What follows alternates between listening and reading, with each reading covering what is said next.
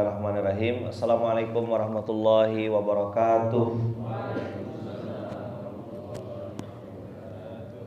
Alhamdulillahi rabbil alamin. Alhamdulillahilladzi bi ni'matihi tatimmus shalihat Alhamdulillahilladzi hadana li hadza wa ma kunna linahtadiya laula an hadanallah Ashhadu an la ilaha illallah wa ashhadu anna Muhammadar Rasulullah Allahumma salli ala Sayyidina Muhammad wa ala ali Sayyidina Muhammad. Qala rabbi shrah li sadri wa yassir li amri wahlul 'uqdatam min lisani yafqahu qawli. Alhamdulillahirabbil alamin. Atas izin Allah kita semua bisa sama-sama duduk belajar lagi uh, melihat berkaca bercermin uh, dalam diri kita ada banyak pelajaran kehidupan yang kita bisa ambil dalam Al-Qur'an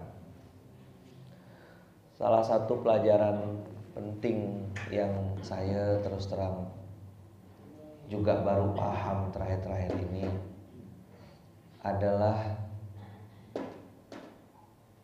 kalimat yang juga saya sering ucapkan sebenarnya bukan untuk antum. Kalimat itu untuk saya. Apa kalimatnya? Jangan pernah meremehkan kebaikan sekecil apa pun karena Allah pasti akan datang memberikan balasannya. Teman-teman, kita Masya Allah, ada yang sambil dengarkan kajian walaupun di rumah banjir. Masya Allah, semoga Allah cepat turunkan banjirnya. Ya, ada juga tadi info paskas kita yang bentar, sedang antar beras tapi posisinya banjir. Jadi tidak bisa mohon doa di Bekasi sebagian besar beras sudah kena. Ini jam setengah enam subuh subuh teman-teman. Ngantar beras. Setengah enam tadi lima dua sembilan. Teman-teman paskas Bekasi Bang Langgeng. Kita doakan semoga Bang Rangga Bang Langgeng lagi ini. Ya Rab, ya Rab, insya Allah teman-teman semua yang hari ini sedang antarkan amanah, insya Allah nanti kita juga, saya juga ikut turun nanti. Ini Alhamdulillah kita kedatangan tamu, ada guru kita, sahabat kita, abang kita, saudara kita, Bang Ferry Bonj. Bang Ferry Bonj ada yang tahu? Oh, eh, kalau urusan masak, eh bukan masak ya, potong rambut. Kalau urusan potong rambut Kalimantan Barat bahkan Indonesia ini benchmarkingnya gurunya Bang Ferry Bonj. Nah, insya Allah nanti saya mau minta beliau cerita di sini tentang pengalaman hidupnya. Dan ini menurut saya penting. Nah, inilah tadi saya bilang jangan pernah remehkan kebaikan sekecil apa pun. Bagi kita kecil, bagi Allah besar. Tapi ada juga bang besar besar di mata manusia tapi kecil bahkan tak ada nilai di hadapan Allah kenapa kok bisa gitu Ustaz? Teman-teman yang lagi di YouTube juga kita akan bahas sama-sama. Kenapa ada yang besar jadi kecil? Ada yang kecil jadi besar? Yang membedakan adalah niat. Jadi abang kakak yang baik yang dirahmati Allah Kalimat-kalimat yang saya sering sampaikan Jangan pernah ngeremehkan hal kecil. Termasuk, termasuk Kita biasa mendoakan Ustadz titip doa ya gitu. Supaya anak saya sehat. Ini juga abang kita Bang Irfan Skufan Ananda Gio sedang sakit kita doakan abang kakak dari seluruh Indonesia dari Aceh sampai Papua bahkan teman-teman di Malaysia dari Hong Kong dari Inggris biasanya teman-teman ya kan juga biasa mengiring. Kita doakan semoga Gio Ananda Gio anaknya Bang Skufan Bang Irfan selalu diangkat Allah penyakitnya disehatkan. Kita minta doa khusus. Teman-teman semua kita doakan semoga Gio disehatkan Allah dijaga Allah hadir Allah dan pertolongannya. Saya tahu gimana perasaan orang ayah ketika anak sedang kurang sehat kita pasti sedih dan kita berdoa semoga anak-anak kita juga dijaga Allah disehatkan Allah. Mari kita doakan di majelis ilmu yang penuh berkah ini siapa pun. Ya kan anak-anak yang sedang sakit atau keluarga yang sedang sakit semoga di majelis ilmu yang penuh berkah ini kita kirim al-fatihah terbaik kita doakan semoga beliau-beliau semuanya selalu dalam kesehatan lindungan dan kasih sayang Allah Allah Alhamdulillah rabbil alamin rahim. Iyyaka na'budu wa iyyaka nasta'in. Shiratal mustaqim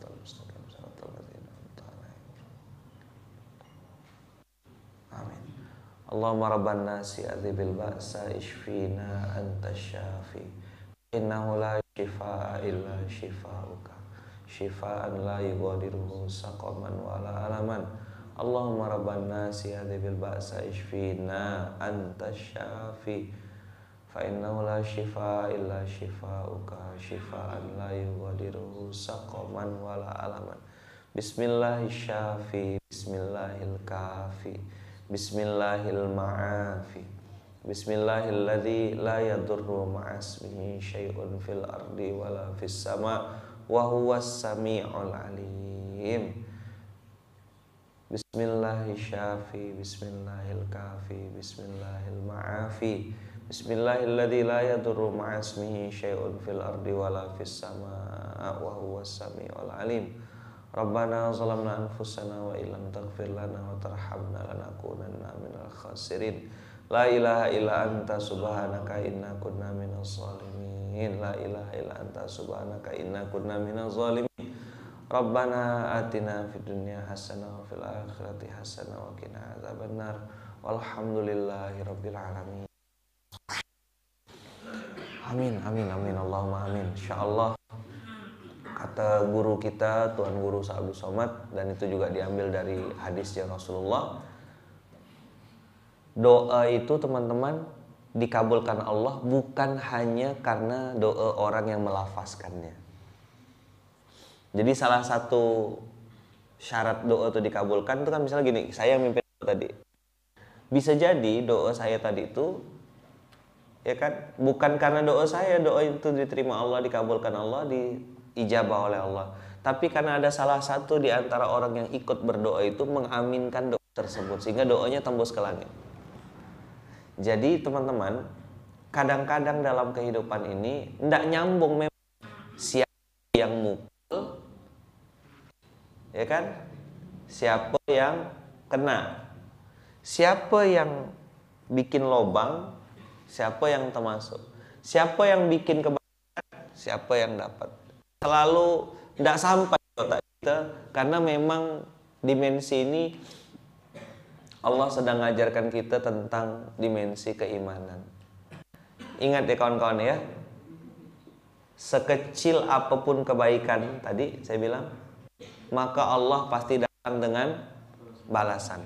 Contoh masih ingat cerita yang dulu saya pernah sampaikan tentang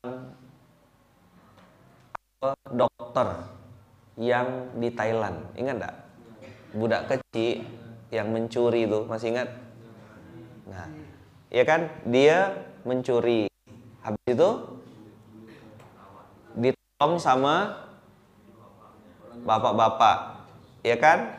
Dikasih dia kan obat dari sebuah supermarket lalu ada yang ban ada yang marah plaza lah dia nih kau nih itu sama ya kan? Sama bapak tadi. Di sup sama sekantong obat. Dibayarlah sama bapak itu. 30 tahun kemudian 30 tahun kemudian kejadian ini ya kan? Bapak yang tadinya suka sedekah makanan sampai orang gila pun dikasih makan, ya kan? Jatuh. Jadi bagian ke hampas ke bagian meja pada saat sedang bikin makanan. Tahu-tahu anak karena dia tinggal berdua, dia sama anaknya, anaknya yang perempuan, bawalah ke rumah sakit, dioperasi dan seterusnya, sehingga si bapak tadi, si bapak tadi, ya kan terpaksa satu-satunya cara harus dioperasi, biayanya sekian ratus juta gitulah kalau dirupiahkan. Maka konsultasi sama dokter, ternyata ketika konsultasi dokter dibilang harus dioperasi dan dia memutuskan si anak memutuskan untuk tetap operasi tapi kena. Dia harus jual rukonya dia harus cari dagangan tidak bisa berdagang karena bapaknya lah tulang punggung keluarga yang berjualan itu. Masya Allah tabarakallah teman-teman semua kita belajar dari kisah ini setelah selesai dioperasi bapaknya selamat si anak tadi bangun begitu dia tengok di kertas tagihannya itu berapa harga tagihannya? Nol. Kok bisa nol Ustadz di surat keterangan itu ditulis bahwasanya ya bayar 30 tahun yang lalu. Kantong sup sayur dan satu kantong obat penahan rasa sakit Bingunglah si anak yang perempuan ini.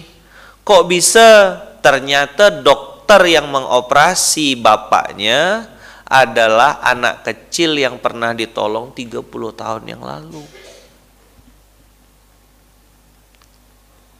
Dan dokter itu masih hidup sampai sekarang, nama dokternya Dokter Praja Aruntong. Dokter Praja Aruntong ini orang Thailand yang sampai hari ini mendedikasikan hidupnya untuk menolong orang susah. Berawal dari apa kawan-kawan? Berawal dari sebuah kejadian di mana dia terpaksa mencuri untuk mengobati ibunya yang sakit. Lalu dia bersumpah dalam dirinya, aku harus jadi dokter supaya tidak ada anak-anak kecil seperti aku yang men curi untuk mengobati biaya kesembuhan seorang ibunya. Lalu teman-teman, dia juga berazam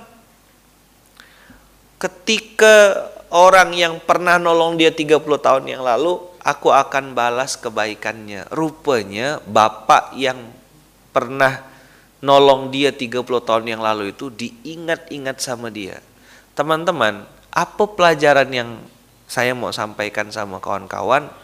Sekecil-kecil apa pun kebaikan yang kita lakukan, walaupun mungkin manusia melupakannya, tahu ndak? Allah dan para malaikat tidak pernah salah catat. Jadi kalau teman-teman hari ini melakukan kebaikan dengan niat karena Allah, dua rumusnya kan saya udah bilang, lakukan, lupakan. Jadi pelajaran mahal pagi ini nanti sebelum kita dengarkan kisahnya Bang Ferry, 2L, lakukan, lupakan. Itulah ikhlas. Jadi abang-abang kakak-kakak yang baik yang dirahmati Allah, kadang-kadang, ya, bukan kadang-kadang, yang benar tuh adalah orang ikhlas itu sam, sama kayak orang tidur Coba diulang. Kenapa orang ikhlas susah dengan orang tidur? Karena dia tidak pernah bilang kalau dia ikhlas. Sama kayak orang tidur. Bang, bang lagi ngapa bang? Ngomong tak dia? Jawab tak dia? Enggak lah. Sama kayak orang lagi tidur. Kalau dia bilang, aku lagi tidur boy. Berarti dia bual. Betul tak? Mana ada orang tidur ngomong? Tidak ada orang tidur tuh ngomong. Tapi kalau orang tidur, dia diam, bahkan mohon maaf ngiler sampai basah gitu, berarti dia tuh benar-benar sedang tidur. Nah orang ikhlas juga sama, ndak tahu kalau dia sedang ikhlas. Bahkan mungkin dia pun ketakutan gitu, jangan sampai amal soleh aku nih tak diterima Allah. Ingat ya kawan-kawan ya, kecil bagi kita besar di hadapan Allah. Kita bilang, ah aku cuma ini ya Ustaz, cuma ngasih duit receh, duit shilling, kling kling kling. Bukan duit shilling yang ditengok Allah. Tapi niat baik dalam hati dan kondisi apalagi, nah ini ya, teman-teman saya pengen sampaikan kepada kawan-kawan yang hari ini dalam posisi sempit, yang hari dalam posisi sulit, yang hari dalam posisi mungkin sedang sedih. Ya macam-macam sedih itu, tidak mesti harus tak punya duit. Anak sedang sakit, keluarga sedang berantakan, usaha sedang sepi misalnya gitu. Apa pun lah kesedihan yang membuat teman-teman hari ini sedih, itu sunnatullah. Sun Kenapa saya bilang sunnatullah? Karena setiap orang diuji dengan ujian yang beda-beda. Ada yang kelihatannya harmonis, ternyata anaknya sedang bermasalah. Ada yang kayaknya istrinya soleha, betul. Ternyata suaminya sedang terjerat kasus hukum, narkoba. Ada yang kayaknya kita nengok istrinya cantik, rupanya istrinya sedang main hati sama laki-laki lain. Ada yang kita tengok kayaknya rumah tangganya proper, suami istri, kayaknya bagus, ternyata udah puluhan tahun menikah belum punya anak keturunan. Kita nengok kayaknya keluarga ini ini bagus lah suami, istri, anak, ternyata bapak kandungnya sedang kena sakit stroke dan dia harus menghidupi dan membiayai keluarganya. Teman-teman, mana ada manusia yang tidak ada ujian? Coba diulang. Setiap manusia itu pasti ada ujiannya. Jangan dikira semua orang akan fine-fine saja. Lalu Ustaz, ngapa saya tengok itu? Dia sedang menyembunyikan kesedihannya. Dia sedang menapokkan kesusahannya di hadapan manusia. Banyak loh orang-orang kayak gitu tuh, banyak tak? Kita nengok dia tuh, kayaknya dia nih, uh, kuat, sabar, tabah, karena mungkin dia abang di komunitasnya dia dituakan di tempat dia kerja. Maka semua adik-adik ngerujuknya ke beliau. Dia kan harus jadi bemper bahasanya. Ya enggak? Pasang badan. Abang nih. Pasang badan. Tapi si abang ini pun macam pernah tahu samsak tinju enggak? kena tinju dari mana-mana. Dulu ada pernah foto, saya sempat simpan tapi hilang. Yang gambar ayah ngomong sama anak, anaknya itu kena apa gitu luka berdarah gitu, kecil berdarahnya, terus si ayah ngusap-ngusap. Di punggung ayahnya tuh bercacak pisau-pisau banyak. Pernah nengok ada gambar itu? Nah, begitu teman-teman kehidupan ini, kita kadang ngelihat orang nyaman Padahal sebenarnya di balik itu dia sedang menyembunyikan sesuatu. Cuma bedanya apa nih? Bedanya apa? Yang satu suka ngomel, oh, semua bunyi. Ah kan? Ah nih, tahu enggak? Menang sombong, kalah congkak. Emang tabiatnya jelek emang. Begitu menang nih, wah. Hati-hati kita yang hari ini mau toyakap ya. Saya sih tidak pakai kartu kuning, kartu merah, enggak. Uh, saya langsung usir ya. Mulai nak bersakat-sakat tuh nanti tuh, wah manas-manaskan kawan. Nah, ya kan langsung. Ini bukan cuma ujian skor, ujian attitude, ujian ahlak. Hari ini kita ada tanding bang, tok yakap. Apa yang mulai buka hari pagi ini? Volley, Tarik tambang. Oh, oke. Okay. Olah hati juga ya. Olah rasa. Insya Allah nanti kita mampir bentar lah ke sana ke Masjid Sultan. Jam 8 saya ngantar beras nanti. Jadi teman-teman semua bedanya adalah yang satu punya masalah, yang satu punya masalah, cuma yang satu ini nampak gitu mukanya itu nampak sedang punya masalah, Yang satu kayak tak ada apa-apa. Salah ke Ustadz? Ya tidak salah. Rasulullah sedih, pernah sedih? Pernah, manusia. Maka ketika ada orang orang tuanya meninggal, mamanya meninggal, anaknya sakit, atau orang-orang tercintanya sedang dapat musibah, terus dia bersedih, saya bilang, tidak apa-apa bang sedih, boleh. Baginda Rasulullah juga nangis kok ketika istrinya Khadijah meninggal. Yang tidak boleh adalah meratapi. Yang tidak boleh apa? Meratapi. Yang tidak boleh adalah marah-marah ngomel-ngomel.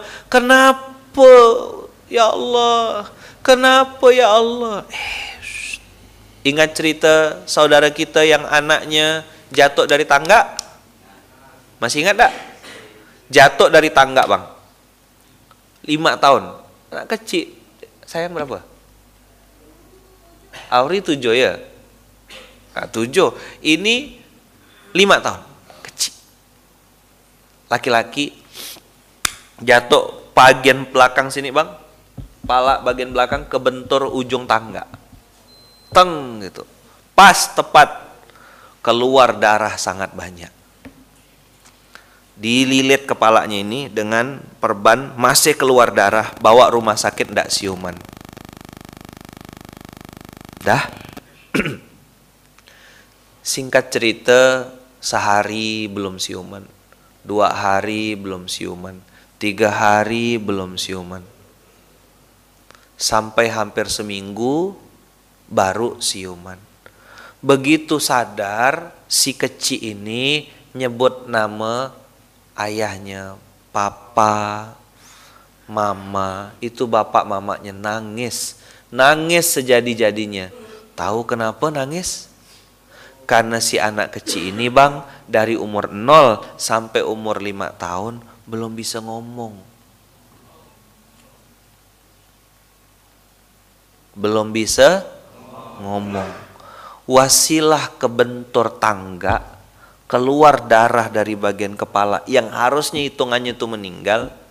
Ternyata begitu cara Allah mengoperasi anak ini sehingga dia bisa bicara dan sekarang sedang hafalkan Quran. Cuman sampai tidak di otak kita? Tapi kita kan tetap tak mau kan. Oh kalau gitu Ustadz. Anak aku jatuhkan tangga aja. Enggak juga boy. Tolakkan nih, tolakkan nih. Enggak, jangan. Beda kasus. Ya kan? Jadi Ustadz sedih dengan meratapi gimana Ustadz? Kalau sedih itu di dalam kesedihan tetesan air mata kita, kita tetap yakin akan ada pertolongan Allah. Itu namanya sedih. Wajar. Masa ayah e, anak sakit misal gitu atau mungkin istri sakit, keluarga sedang terus ayahnya main gaplek gitu. Aku sih tak sedih, aku sih sabar. Ini sih kurang ajar. Telah. Masa main bok, ayo main bok gitu boy Ndak gitu lah, brother. Apa ente boy? Istri aku nak sakit. Tak doanya ya. Wajar. Tapi di dalam hatinya ada keyakinan bahwasanya Allah pasti datang membawa kesembuhan. Allah pasti datang bersama malaikatnya mendatangkan kebaikan. Itu namanya iman. Abang lagi kemarin kan saya bilang yang di bawah bisa naik, yang di atas bisa jatuh. Nah, buat teman-teman semua, naik ke atas perlu iman, di bawah pun perlu iman. Anak lagi sehat, tetap perlu iman. Kenapa? Karena sewaktu-waktu dia bisa sakit. Siapa yang anaknya lahir ini lagi sehat? Hanya itu nikmat dari Allah. Kalau mau tahu nikmatnya sehat, tanya sama anak sahabat kita yang anaknya sedang sakit. Jadi jangan dianggap dia bisa lari-lari, main. Kadang saya juga gitu. Kebawa kadang-kadang mau marah atau apa. Tapi saya pikir lagi, eh, astagfirullahaladzim. Ya mau makan ini ya, makan ini ya. Selama saya masih bisa, dan itu tidak berlebih-lebihan, saya tunaikan. Makan sayang. Kadang-kadang banyak orang tua, mohon maaf ya, mohon maaf. Suka terbalik-balik, giliran anak sehat tak dikasih makan. Udah sakit baru ditanya, makan apa nak? Eh pernah dengar antum? Fakta atau mitos? Baru ditanya, makan apa nak? Mau makan apa sayang? Kue bingke. KFC, KFC makan yang itu nak.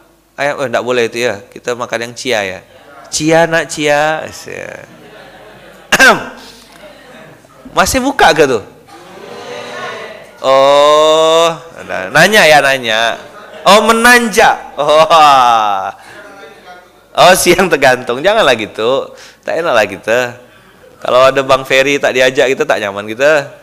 Eh Bang Ferry ya. Oh lagi menanjak ya. Alhamdulillah. Ikut senang, ikut bahagia. Itu karena beliau ya. Nanjak tuh karena beliau ya. Oh. Ada tak bisa diumpan. Ini main poli ini ah yang ngano ini. Ah, yang ini bahaya nih.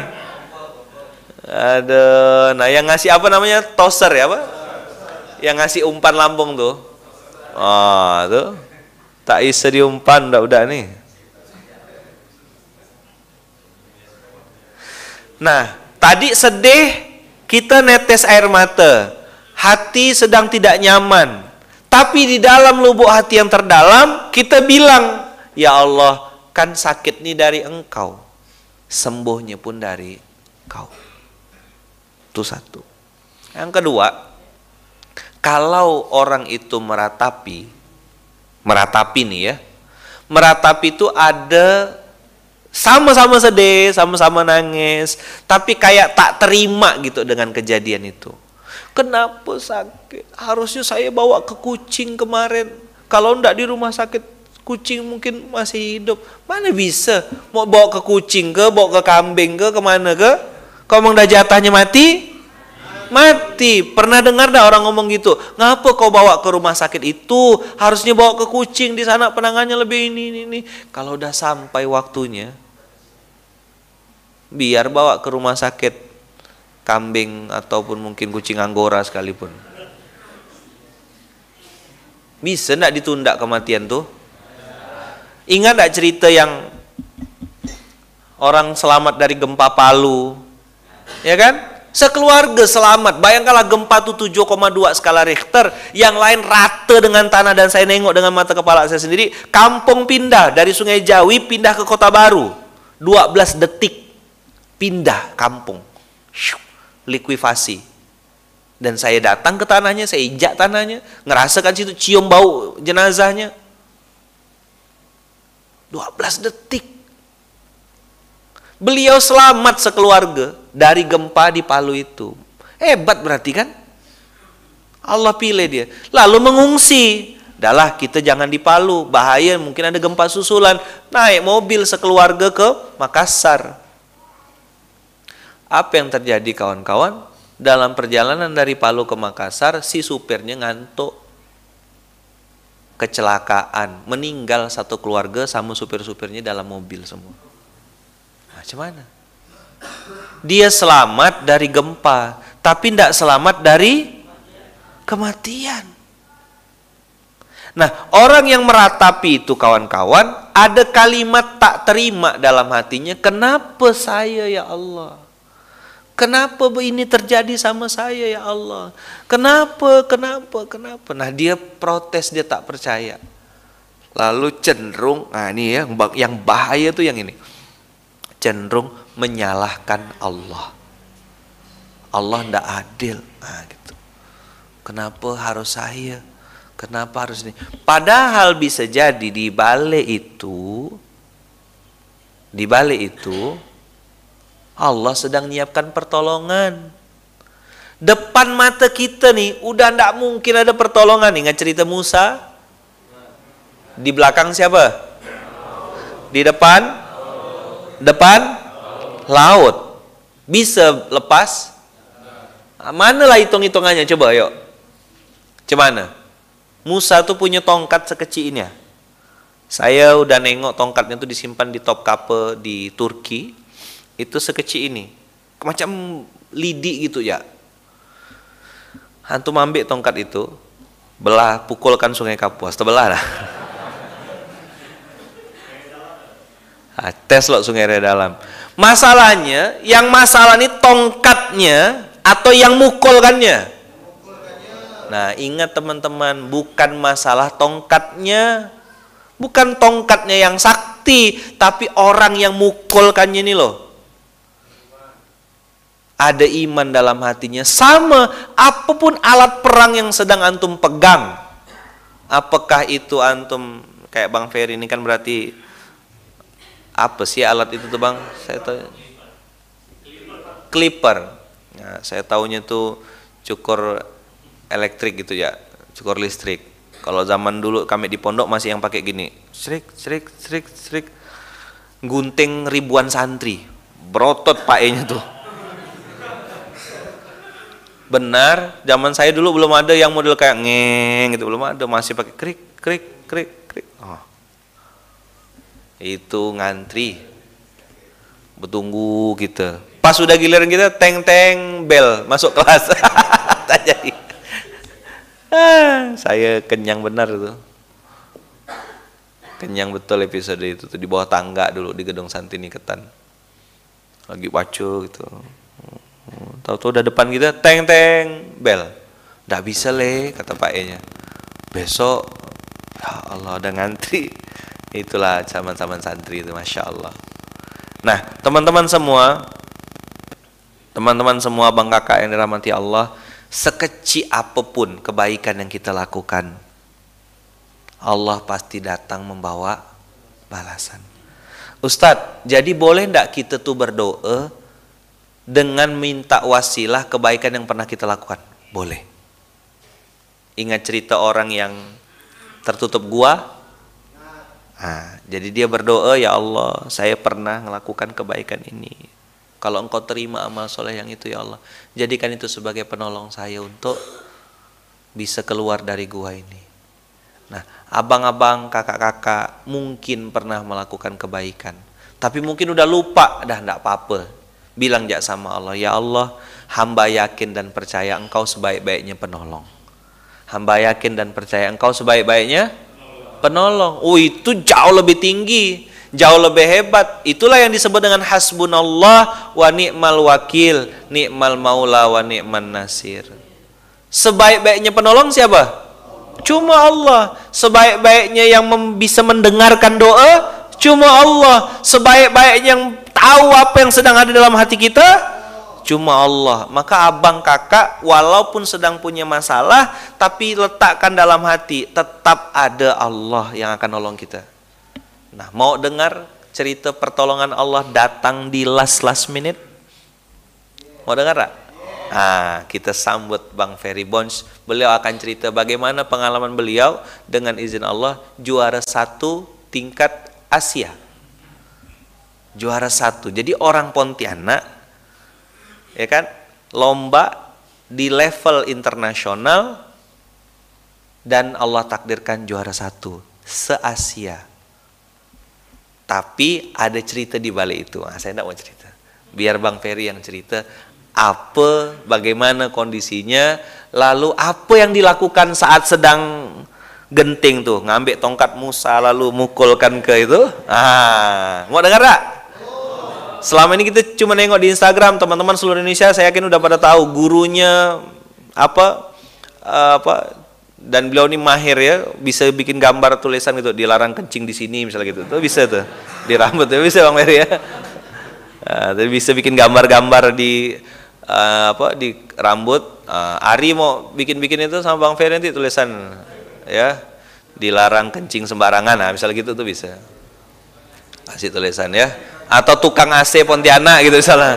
Ah hubungi di belakangnya tuh nah Bang Ferry Bonch. Silakan teman-teman pakai V Ferry. Ya, ya jadi nanti tinggal lihat uh, uh, Instagramnya. Masya Allah Tabarakallah. Ini kita ikut bahagia ikut senang. Ada orang Pontianak yang bisa mengharumkan nama Pontianak lewat wasilah ini. Dan Masya Allah Tabarakallah. Nah inilah ya kita kita dengarkan kisahnya. Silakan Bang Ferry cerita bang Cemana ceritanya sampai di sana lalu eh uh, segitulah pokoknya. Nah, yang abang cerita sama saya. Sini bang, sini bang. Ini tidak enak saya. Eh tak apalah. Cerita bang. Allah Akbar. Ah, dah cocok dong isi nih. Assalamualaikum warahmatullahi wabarakatuh. Waalaikumsalam warahmatullahi wabarakatuh. Saya makasih banyak dengan Ustadz Lukman. Saya saudara. Jadi tadi ingat-ingat cerita anak tuh saya pernah ngerasakan. Dan itu apa masih terasa sedih kalau ingat itu. Jadi anak kedua saya itu lahir paru-parunya tidak aktif sebelah. Ya Allah. Uh, posisinya apa uh, terlilit tali pusat dan itu harus operasi sesar.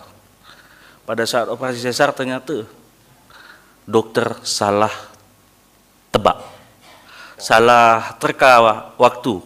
Jadi anak itu lahir pada saat tujuh bulan dan anak saya kecil sekali. Dan pada pada saat lahir, udah lahir, anak saya itu ada menangis.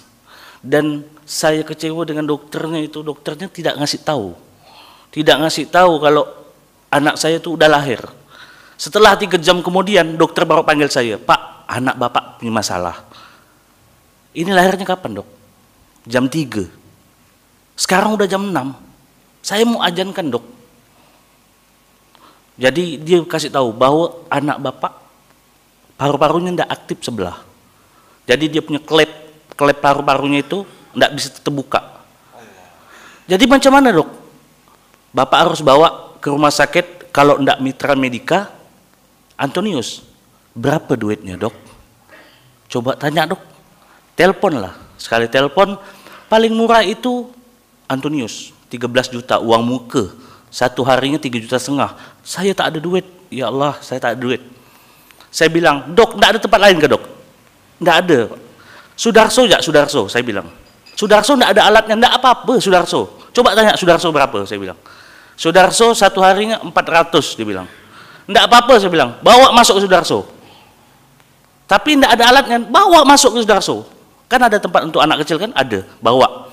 Saya dalam, dalam, dalam mobil bawa anak saya, saya nangis.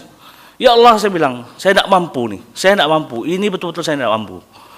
Pas dibawa, dicek lagi. Ini, ini, ini, ini lama. Udah cepat masukkan, saya bilang. Saya tidak mau tahu. Anak saya masukkan. Saya bayar nanti, saya bilang. Tapi uh, dalam hati ini duitnya dari mana ya? itu memang betul. Saya enggak, memang pada saat itu tidak ada duit. Jadi pas sudah dimasukkan ruang picu nicu dan luar biasanya saya sholat di situ Ustaz. Di depan pintu tuh sholat, saya sholat jadi sebelah-sebelah tuh ada uh, orang non muslim apa segala macam kan. Saya tidak peduli. Saya sholat ampar tikar, sholat tidur di situ selama 10 hari. Saya jaga anak saya selama 10 hari. Dan yang buat saya lebih apa ya kata orangnya udah desak sekali. Orang-orang yang sebelumnya ada di ruangan itu sama saya satu-satu satu-satu dipanggil. Bapak ini masuk, anaknya meninggal keluar. Ibu ini masuk, anaknya meninggal. Allah Akbar, saya bilang, anak saya udah lengkap dah, udah macam robot dah. Ini ditusuk apa segala macam. Ya Allah, meninggalkan anak saya ini, saya bilang.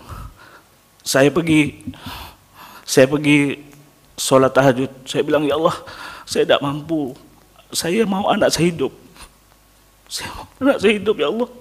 Saya mau anak saya hidup. Tiba-tiba saya dipanggil, dokter anak bilang,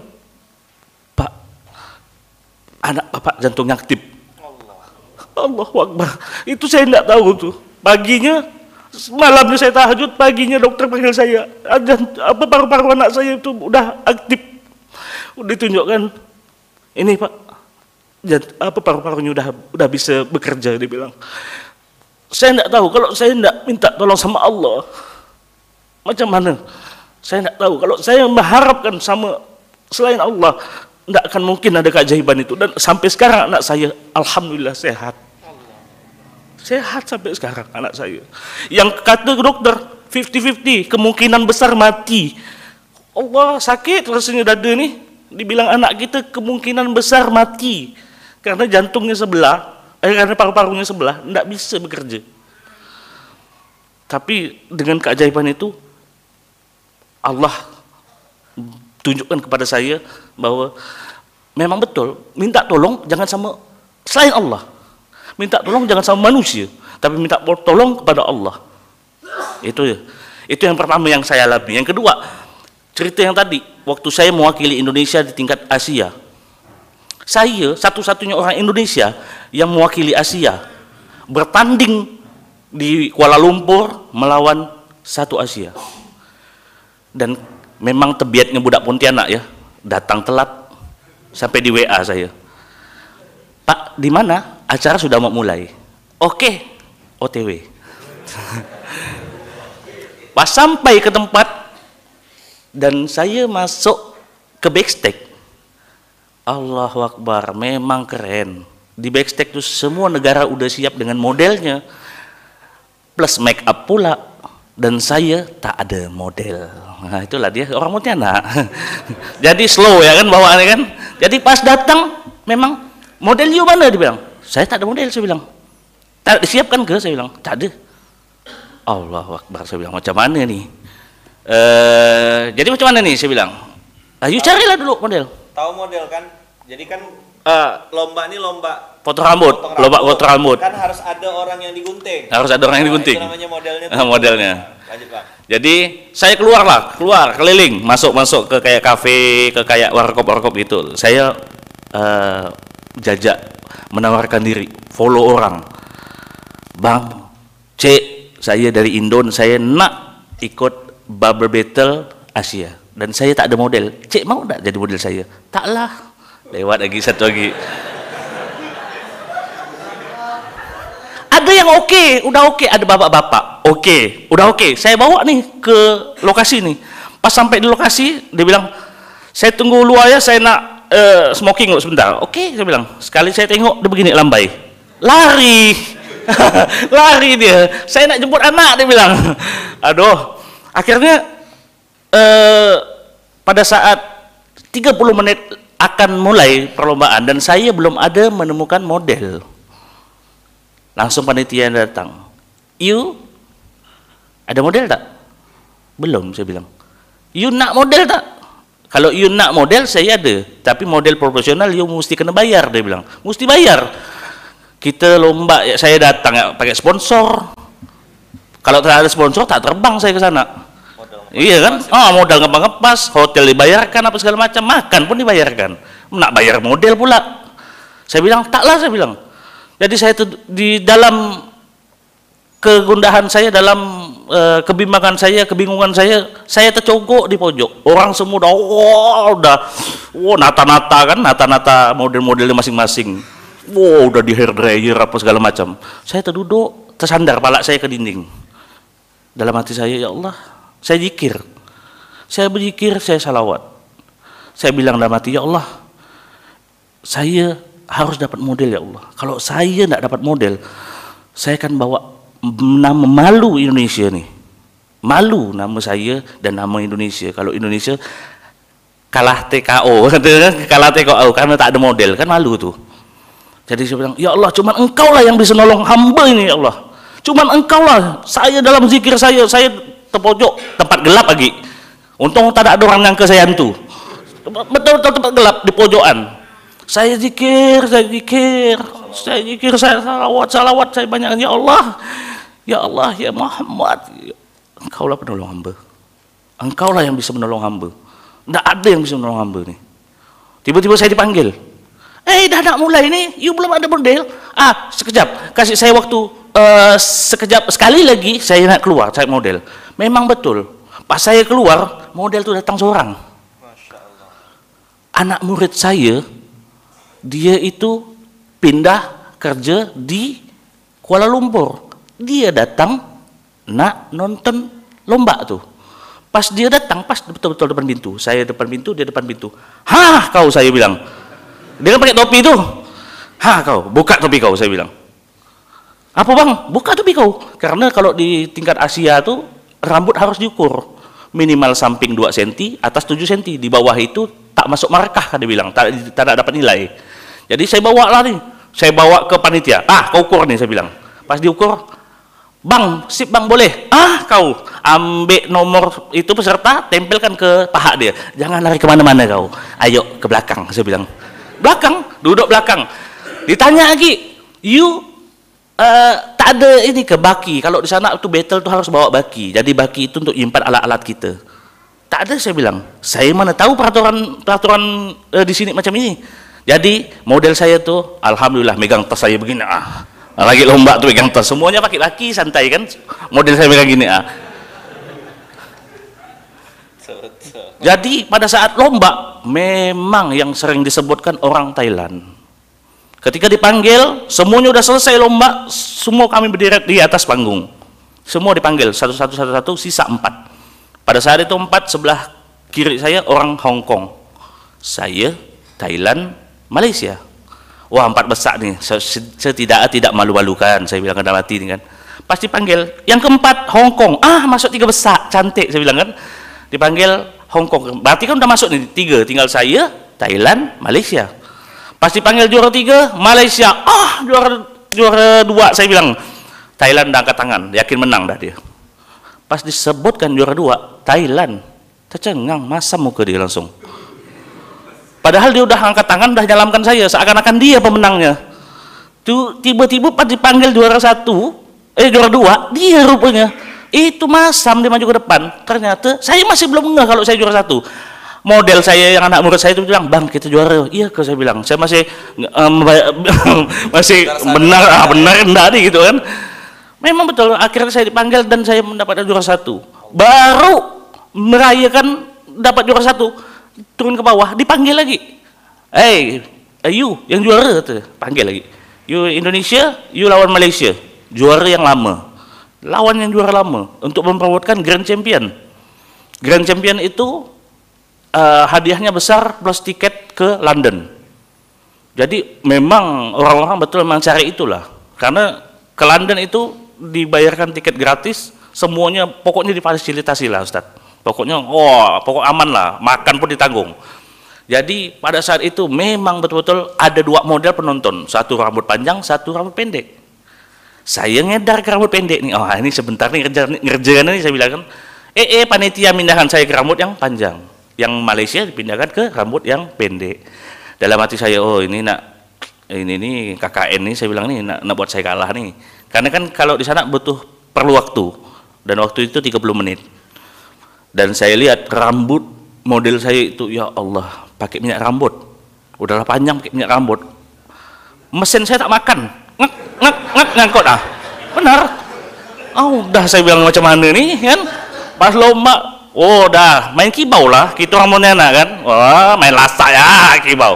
Jadi pas motong memang kita nih uh, dijelekkan lah pokok sama orang Malaysia. Nomor supporter Malaysia semua. Malaysia pokok jatuh-jatuh orang Indonesia apa segala macam ngomong apa segala macam. Saya dah mati ah kati kau lah. Jadi macam mana saya untuk mengambil hati mereka itu penonton itu? Jadi saya atraksi mesin saya juggling tad mesin saya juggling. Apa-apa saya juggling yang bisa juggling juggling. Ah oh. ah jadi memang pas. Pada saat hitungan 5 4 3 2 1 saya lempar uh, kuas tuh. Saya lempar kuas pas tangkap buka kain pas ke nomor satu hitungan nomor satu. Selesai. Pas selesai memang saya tidak nyangka kalau pilihan Grand Champion itu ditentukan oleh penonton. Ah kalah saya ini saya bilang kan maju Malaysia. Aplos buat Malaysia. Uh, oh ramai, ramai saya bilang. Oh, udahlah kalah dah. Pas saya maju from Indonesia. Wow lebih ramai suaranya. Masya Allah macam saya tengok tidak ada yang bertepuk tangan tapi ramai. Memang suaranya ramai. Langsung saya diangkat sebagai Grand Champion. Jadi saya dapatkan dua piala juara satu dan grand champion. Dan itu memang betul-betul ah kalau itu memang betul-betul eh, itu ajaib. Memang saya tengok tuh apa orang tuh tidak banyak bertepuk tangan tapi suaranya kok banyak gitu kan ah itu loh. Ah suaranya banyak. Memang gemuruh sekali suara iyalah takkan pula orang Malaysia bila orang Indonesia kan? Pastinya bila orang Malaysia lah. Ya supporter saya orang Indonesia cuma tiga orang. Macam mana? Tepuan bisa ramai Tat. Dan itu saya diangkat jadi pemenang. Ah itulah yang saya alami yang saya alami dengan saya kita harus yakin mbak. Kita harus yakin apa kata betul kata Ustaz Lukman kita harus yakin. Hanya Allah satu-satunya penolong selain itu. Jangan ke lain. Ah itu ya kayak Tat ya? Itu ya cerita saya itu? Hadisnya, hadisnya. udah Tat ya? Bentar, duduk sini. oh, oh duduk lo Jadi abang kakak ada another side, sisi lain yang yang beliau mungkin tidak cerita, tapi ini jatah saya ceritakannya. Jadi Bang Ferry ini, masya Allah, tabarakallah, pernah nakal.com. Ya sama, saya pun pernah. Orang tanya, Ustadz itu apa? Ini apa lukisan? Di tangan tuh lukisan gitu ya. Dia bilang, saya bilang bang biarkan aja itu, jadi cerita, jadi kenang-kenangan. Tapi saya bilang, sejahat-jahatnya orang yang pernah bikin maksiat, ketika dia meminta, mengemis, merengek-rengek di hadapan Allah, tidak mungkin Allah sebagai Tuhan tak turun datangkan bantuan. Sekali lagi saya ulang kalimatnya. Sejahat-jahatnya orang yang pernah bermaksiat kepada Allah. Ketika dia merengek-rengek meminta bantuan kepada Allah, tidak mungkin Allah tidak datang dengan memberikan bantuan. Nah, yang teman-teman mungkin perlu ketahui, mudah-mudahan ini jadi semangat. Di balik wajah ya ya sangar lah bisa dibilang ya. Tapi hatinya nih teman-teman tahu nih hatinya pink. Ya. Jadi Bang Ferry ini Masya Allah Tabarakallah juga merupakan keturunan Rasulullah Sallallahu Alaihi Wasallam. Jadi dalam darah beliau ini mengalir darahnya baginda Rasulullah dari Al Hasani ya bang ya? Dari Al Hasani jadi ada yang dari Husain ada yang dari Hasan beliau ini dari golongan Hasan. Dan memang seperti yang saya sering temui kalau Al Hasani ini memang agak lasak sedikit tidak semua tapi memang rata-rata stylenya hidden tersembunyi. Abah Dayat Abah Dayat yang di Pondok Al Mujtahid 2 itu kan Al Hasani nanti abang kayak saya kenalkan. Itu Al Hasani juga. Nah itu juga gayanya sama. Ayahnya beliau itu mendirikan 60 eh sorry. Iya 68 masjid seumur hidupnya. Dakwah.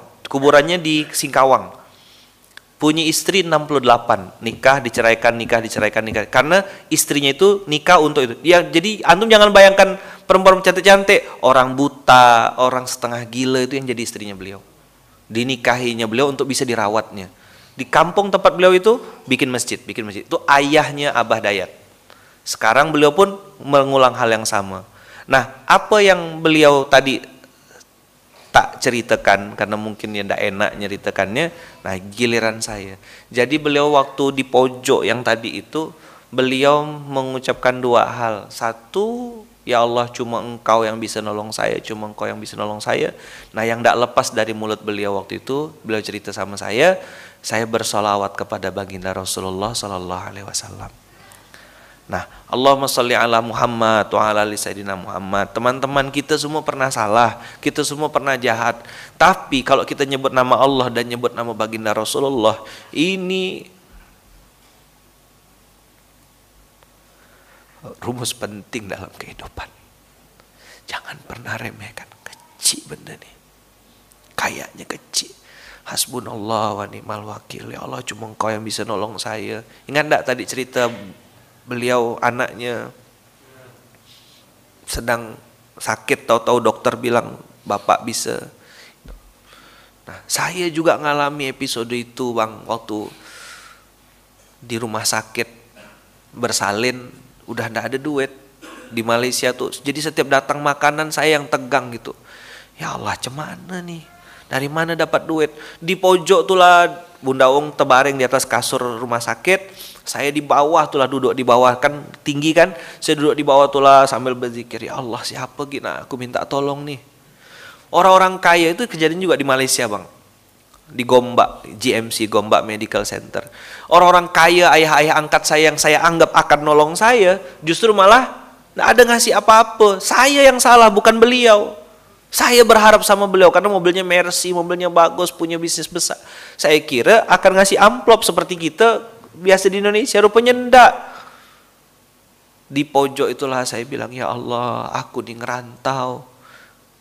Anak lahir dari mana cuma engkau persis persis kayak kalimat Bang Ferry tadi ya Allah cuma engkau yang bisa nolong saya cuma engkau yang bisa saya solawat sebisa saya semampu saya. Nah itulah teman-teman. Waktu itu saya ngerasa tak punya amunisi apa pun bang. Tak punya senjata apa pun. Tak punya duit di kocek tak ada. Ya seperti abang lah tadi kan model tak punya. Tiket ngepas-ngepas. Nah, saat teman-teman dengarkan baik-baik, saat kita sudah ngerasa tak punya apa-apa dan tak bisa ngapa-ngapa, saat itulah Allah tuh datang. Saya ulang sekali lagi. Saat kita merasa sudah tak punya apa-apa dan sudah tidak bisa ngapa-ngapa, saat itulah Allah datang. Tapi kalau kita ngerasa aku punya masih punya duit, aku masih punya ini, Allah tenang gampang bah nanti. Allah tak mau datang. Kenapa? Karena kita ngandalkan duit kita. Kita ngandalkan kepintaran kita, kita ngandalkan tabungan kita. Maka teman-teman, episode susah yang Allah berikan kepada kita itu penting untuk kita alami supaya kita tidak berharap apa pun kepada manusia, hanya mengharap kepada Allah dan berharap dapat pertolongan dari Allah. Itulah satu-satunya cara. Nah, maka kadang-kadang Allah ambil nikmat itu sedikit. Allah cabut itu sedikit. Supaya kita tidak berharap kepada selain Allah. Nah, kisah Bang Ferry tadi, anaknya beliau semoga sehat terus Bang anak beliau. Kisah beliau tadi menang dapat juara dua kali, yang satu justru malah Sepertinya orangnya sepi tapi tepuk tangannya gemuruh. Teman-teman semua, itulah pertolongan-pertolongan Allah dan saya pengen sampaikan tidak semua yang nampak depan mata kita itu manusia. Sekali lagi ya saya mau bilang, tidak semua yang kita nampak depan mata kita itu manusia. Bisa jadi, bisa jadi. Itu adalah malaikat-malaikatnya Allah yang kita anggap adalah manusia. Bisa tidak itu terjadi? Bisa enggak? Sangat bisa. Orang perang Badar itu kan 313 lawan 1000. Jadi yang datang anak murid abang tuh bisa betul-betul manusia, bisa juga malaikat yang Allah kirimkan. Karena tadi kan di pojok. Nah, teman-teman, abang kakak saya sekali lagi nyampaikan kepada abang kakak usikum wa nafsi bitaqwallah. Siapa pun yang hari ini sedang punya masalah, yakinlah dan percayalah Allah pasti tolong Allah pasti tolong tolong enggak tolong tergantung apa tergantung sininya. Yakin enggak kita nih? Ditolong Allah. Kalau Bang Peri memang udah tak punya pilihan. Udah bakar kapal bahasanya. Model tak ada. Duit ngepas-ngepas. Ya udahlah pasrah. Sampai penilaian pun masih tak yakin menang. Itulah we are nothing. Allah is everything. Dan itu saya jadikan simbol di rompi saya supaya mengingatkan kita semuanya bahwasanya memang tidak ada yang lebih hebat kecuali Allah. Kita ini kecil demi Allah kecil. Demi Allah saya bilang kita ini kecil. Tak ada apa-apa, tak punya kekuatan apa pun. Jangan sombong. Jangan ngerasa kita udah paling hebat, paling keren. Tak ada. Kecil kita. Kasih sariawan tumbang dah. Betul enggak? Jangan, jangan, jangan. Jangan ngerasa sudah paling hebat, paling keren. Paling... Ada we are nothing. Allah is everything. Allah takdirkan hari ini Bang Peri datang ke sini. Ya kan rindu, saya pun rindu. Cuma nengok di Insta story ya selama ini. Apa kabar Bang Ferry ini? Saya pengen ngecas. Nah rupanya hari ini Allah datang kan. Tahu-tahu datang. Eh, Assalamualaikum Waalaikumsalam rindu Ustaz. Ah, sama lah saya bilang saya rindu kak.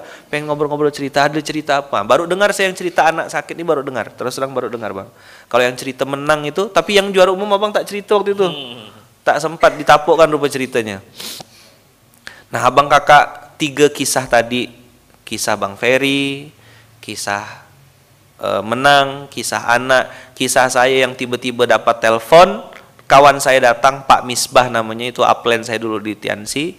Pak Misbah tiba-tiba datang bilang gini, Pak Lukman, ini ada Bang Hamzah, maka saya akan ingat terus Bang Hamzah sampai kapan pun. Bang Hamzah itu abang kandungnya Bang Denny, Denny yang dulu pernah di sini. Pak Lukman, ini apa namanya? eh, apa? eh, ada Bang Hamzah ngasih tahu. Bang Hamzah posisinya lagi di Indonesia, lagi di Magelang. Saya lagi di Kuala Lumpur. Kenapa? Beliau bilang Bang Hamzah mau bantu ente. Nerima telepon lah saya. Ingat saya Bang Pak Misbah tuh pakai Samsung yang tipis tuh, Samsung warna merah tipis. Terima telepon. Iya Bang, saya bilang. Men, tenang ente kata Bang Hamzah. Ini duet untuk Uung bersalin udah Ana siapkan. Ana titip sama Misbah. Dah ente tidak usah mikirkan biaya bersalinnya. Ana udah siapkan. Waktu itu di convert ke ringgit kurang lebih jadinya 1200-an ringgit bang 1200 ringgit biaya bersalin tuh 1800 ringgit. Berarti kurang nggak? Kurang. Begitu datang saya bawa ke kasir dengan duit yang ada Pak Misbah ndak ngikut. Saya aja yang di sana ditanya awak apa buat kat sini? Saya jawablah saya student. Oh awak student ya? Tengoklah muka saya ndak ada tampang-tampang student. Tak ada muka student bang. Macam abang itulah. Awak ni nak lomba ke? Nak jual teh tarik? Ah, gitu lah kira-kira. Begitu saya datang, student, ada student card. Ada saya bilang, saya keluarkan student card saya, kartu student. Istri awak? Istri saya student juga. Oh, Masya Allah, kata dia. Ah, udah, sekejap, cek. Ada student card turun lagi saya ke bawah ngambil kartu mahasiswanya Bunda Uung. Ambil lah bawa dua-duanya kan? Naik ke atas. Naik ke atas. Ah sekejap cek ya. Semoga ada berita bahagia. Wah di situ saya mojo lagi berzikir lagi. Atau enggak zikirnya mau apa? Tahu kan tentu? Duit berapa tadi? 1200 1008 coba cukup tak cukup. Masa nelpon lagi Bang Hamzah, Bang, kurang Bang, tambah sedikit Bang. Nggak mungkin nelpon Bang Hamzah. Tahu-tahu diceritakan, dikasih tahu sama Encik, saya sudah menghadap pengarah. Pengarah tuh pimpinannya. Saya sudah menghadap kepada pengarah, begini, begini, begini, begini. Beliau bilang, karena Encik ini student, istri awak pun student, jadi ada diskon, ada potongan harga. Masya Allah, di situ lemah saya dan belinang air mata. Karena setiap nengok ayam datang diantarkan tegang. Orang nengok ayam suka kan? Kita nengok ayam takut. Kenapa? Berapa tagihannya nih? Berapa lagi ini cukup dah aku. Begitulah kira-kira. Nah, saya masih ingat mudah-mudahan tidak salah ya ingatan saya. Pokoknya duit saya 1200 ringgit itu saya serahkan, masih ada kembalian 12 ringgit. Berapa tuh berarti? 1100 88 ringgit. Pokoknya kembalinya 12 ringgit. Duit 12 ringgit itulah bang saya pakai untuk sarapan dan itu pun hanya bisa beli roti canai. Makanlah roti canai itu saya bilang makasih ya Allah, makasih ya Allah, makasih ya Allah. Teman-teman, Allah tuh tidak pernah ninggalkan kita. Allah tuh tak pernah ninggalkan kita. Kita yang sering ninggalkan Allah. Kita yang sering lupa sama dia. Apa buktinya? Kalau lagi susah kita datang ke dia. Pas lagi senang kita lupakan dia. Itu yang bikin kita sering dikasih masalah sama Allah.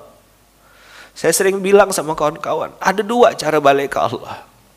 Masuk lewat pintu masalah atau masuklah lewat pintu syukur.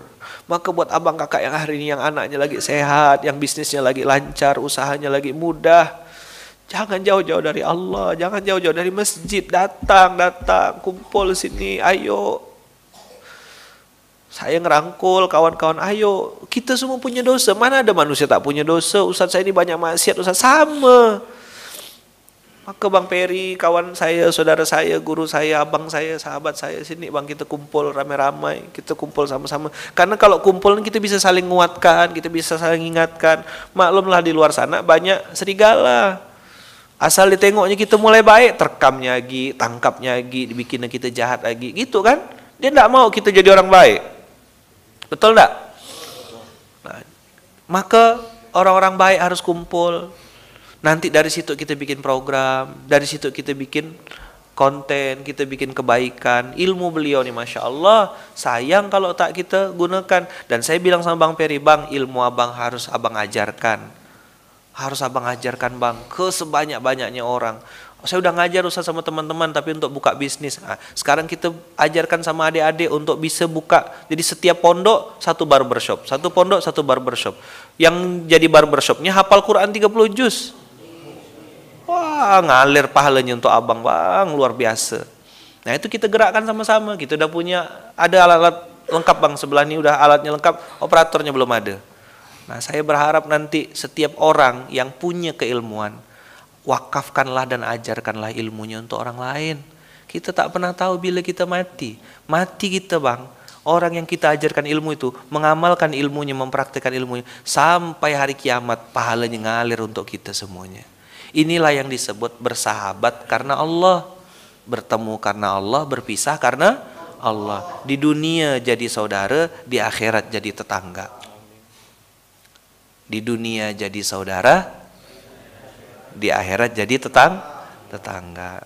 Bang Peri ada dak lauk tuh tiga tambah satu ada duit dak tuh Bang Peri bilang mana pakai duit lagi Ustaz di sini? Oh iya tinggal sebut. Nah saya berharap semua abang-abang kakak-kakak yang datang ke Munzalan yang kumpul di sini kita jadi saudara. Tidak peduli apa latar belakangnya. Tidak peduli siapa engkau di masa lalu. Tak ada urusan mau hitam, putih, belang-belang, siapa pun kau di masa lalumu.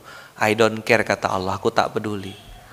Walaupun kau datang dengan sejuta masalah, sebanyak pasir di pantai kata Rasulullah, dosa-dosamu bahkan sedunia dosa-dosamu, Allah akan datang dengan ampunannya.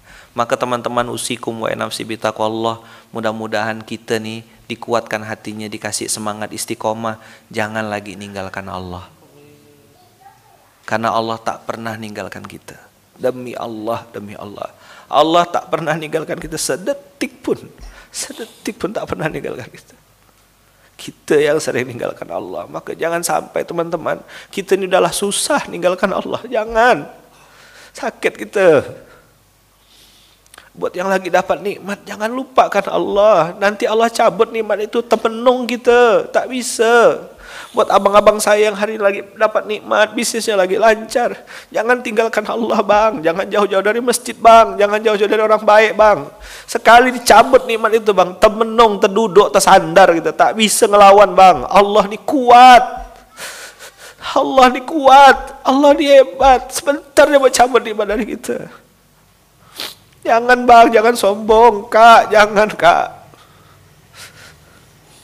Buat abang-abang saya yang sedang susah, jangan sedih bang, jangan takut. Allah tuh maha kuat juga, maha hebat juga. Pasti bisa nolong. Bang Irfan yang sedang sedih, anaknya sedang sakit, tak usah takut bang, tak usah putus asa bang. Allah tolong anak abang, Allah bantu Gio. Insya Allah bang, sehat Gio, sehat. Siapa pun yang hari ini sedang di bawah, Jangan pernah tinggalkan Allah. Jangan pernah tinggalkan Allah. Karena Allah tidak pernah tinggalkan kita. Buat yang lagi di atas, jangan sombong. Allah tuh lebih kuat dari kita. Lebih kaya, lebih kaya. Jangan pernah ngerasa kita tuh yang segala-galanya. Tak ada maka We are nothing. Allah is everything. Kita ni tak ada apa-apa. Demi Allah tak ada apa-apa kecil, lemah, hina. Allah lebih kuat, lebih kuat. Kuat dah Allah tuh. Hebat dah Allah tuh. Tak ada tandingannya bang akak. Kita ni bodoh. Tak punya ilmu kecil. Maka kita perlu gandengan tangan, kita perlu ngerangkul, kita perlu kumpul. Datang rapat, diajak ngikut, tak diajak nyusul. Saya buka tangan lebar-lebar, ayo abang-abang anak-anak motor ke, anak-anak industri kreatif ke, anak-anak di apa di apa istilahnya klepper ya bang, anak-anak teman-teman teman-teman barber, ayo kumpul sama-sama, ayo kita jalan sama-sama. Kita semua pernah salah tapi pengen soleh gitu loh. Belok kanan dah kita, mau cari apa lagi? Duit setumpuk-tumpuk lah kita numpuk duit tuh. Tak gak ke mana-kemana, bah. TGM, tak ada gak macam mana. Ya kan? Makan tetap sepiring, baju tetap selapis, sepatu tetap kanan kiri, motor tak bisa naik dua motor satu orang, tetap gak satu motor satu orang. Yuk abang kakak, lagi susah jangan tinggalkan Allah. Lagi di atas jangan lupa sama Allah. Karena kita tidak akan pernah bisa menang lawan Allah. Tak pernah kita bisa menang bang. Kalah pasti kita. Allah tuh kuat. Jangan coba-coba nak nantang. Jangan, jangan, jangan, jangan. Habis kita. Kalau bahasa mama saya tuh terduduk, temenong. Kebingungan kita. Hah? Bisa bangkrut ya? Kecil bagi Allah. Dibikinnya terbakar ruko kita, selesai dah. Tengah enggak. Nauzubillah min dzalik. Maka Bang Kakak di kesempatan yang penuh berkah ini, yuk kita doa sama-sama yuk buat semua saudara-saudara kita yang sedang di bawah yang sedang sedih, kita doakan semoga Allah sehatkan, Allah bahagiakan, Allah datangkan pertolongan. Buat abang-abang kita, saudara-saudara kita yang mungkin sedang di atas, sedang tinggi, semoga tetap rendah hati, tetap ingat Allah, tetap bisa kumpul. Jadi yang di atas tetap rendah hati, yang di bawah tidak putus asa. Siapa pun kita, apa pun latar belakangnya, berapa banyak pun dosa-dosa kita, Allah datang dengan ampunan yang banyak juga. Mudah-mudahan nanti wasilah Bang Ferry datang ke sini, banyak lagi kawan-kawan lain. Ayo kita balik ke Allah. Ayo kita balik ke masjid. Ayo kita balik ke Allah, balik ke masjid. Kita bergerak sama-sama. Kita semua perlu pertolongan Allah. Perlu enggak pertolongan Allah? Perlu Allah enggak kita nih? Nah, ayo kita kumpul sama-sama. Ayo kita datang. Kumpul di mana Ustadz? Di masjid di rumahnya Allah, di tempat Allah. Inilah rumah-rumahnya Allah, inilah Baitullah. Sampai jumpa di Baitullah tuh, sampai jumpa di masjidnya Allah. Mungkin sekarang Pontianak, someday suatu saat kita ke Masjidil Haram. Nanti kita umroh sama-sama insya Allah bang. Berangkat sama-sama dengan cara-cara Allah, insya Allah. Al-Fatihah. A'udzubillahiminasyaitonirrajim. Bismillahirrahmanirrahim. Kami ini akan abu doa, akan asnain, nasratul mustaqim, lazim. Amin. Allahumma salli ala Muhammad wa ala ali sayyidina Muhammad. Allahumma salli ala Muhammad wa ala ali sayyidina Muhammad. Allahumma salli ala sayyidina Muhammad wa ala ali sayyidina Muhammad. Jangan lupa abang kakak dua tadi ingat Allah, ingat Rasulnya, ingat Allah, ingat Rasulnya. Ketika nyebut Allah, ya, apa yang abang ingat bisa bisa istighfar, istighfar, bisa bisa bisa nyebutnya Alhamdulillah, Alhamdulillah, bisa nyebutnya Allah Akbar, Allah Akbar. Sebut nama Allah dan jangan lupa sebut nama kekasihnya Allah, baginda Rasulullah Sallallahu Alaihi Wasallam. Jadi jangan dipisah Allah dan Rasulnya, Allah dan Rasulnya. Istighfar, solawat, hasbunallah dibarengi dengan solawat kepada Rasulullah. Allahumma sholli ala Muhammad wa ala ali Muhammad. Allahumma sholli ala Muhammad wa ala Muhammad. Itu yang bikin pertolongan Allah lebih cepat datangnya. Paket kilat ekspres. Sebut nama Allah, sebut nama baginda Rasulullah Sallallahu Alaihi Wasallam. Makasih banyak Bang Peri, berkah selalu nih saudara sampai surga. Nanti kalau kami minta datang sini lagi, mudah-mudahan mau berbagi sama kawan-kawan terutama ilmu barbernya yang bisa juggling-juggling tuh. Nanti ajarkan budak-budak gak gimana cara apa model yang diduduk tuh bisa dijagling juga gitu ya. Tetap balik tapi tetap di posisinya gitu ya. Insya Allah kita doakan Bang Peri dengan bisnisnya X Revolution ya. E, dekat sini di Serdam di dekat lokale. Nah, buat abang kakak yang pengen mampir nanti banyak yang nanya Instagram abang. At Ferry pakai V ya bang ya. V E R R Y. Titik underscore. underscore bunch B O U N C. B O U N C E. At Ferry V cabang E R R Y underscore bounce nah bukan pakai F ya pakai V V cabang. Bang Ferry Bunch kita doakan semoga beliau istiqomah dalam ketaatan, bisa jadi saudara kita sampai surga dan mudah-mudahan apa yang disampaikan tadi ilmunya mengalir untuk Bang Ferry sekeluarga. Semoga keluarga Abang, anak keturunan Abang dijaga Allah dilindungi Allah dan mudah-mudahan kita bisa kumpul bersama baginda Rasulullah di surganya nanti insya Allah. Allahu Akbar. Allahu Akbar. Allahu Akbar. Terima kasih banyak abang kakak jazakumullah khairan kathiran. Terima kasih. Tetap semangat dan istiqomah. Salaman sama samping kiri kanannya bilang la tahzan. Innallaha ma'ana. Jangan sedih bang. Allah bersama kita. Ada Allah bang. Kita kan orang ada. Ada Allah, ada Rasulnya. Ada-ada saja pertolongan Allah, insya Allah. Terima kasih. Kita tutup dengan hamdalah, alhamdulillahirabbil alamin dan kita tutup dengan doa yang diajarkan oleh baginda Rasulullah. Bismillahi tawakkalna 'alallah la haula wala quwata illa billahil alil azim. Tetap semangat kawan-kawan semuanya, Mas Wawan, SL Corp dan semua keluarga besar. Semangat terus, bergerak terus, berbuat terus. Insya Allah ada Allah, ada malaikatnya, ada Rasulullah. Insya Allah Allah tidak mungkin meninggalkan kita. Allahu Akbar. Terima kasih banyak. Jazakumullah khairan. Mohon maaf atas segala tutur kata yang kurang berkenan. Insya Allah kita ketemu di lain waktu dalam keadaan yang lebih baik. Assalamualaikum warahmatullahi wabarakatuh.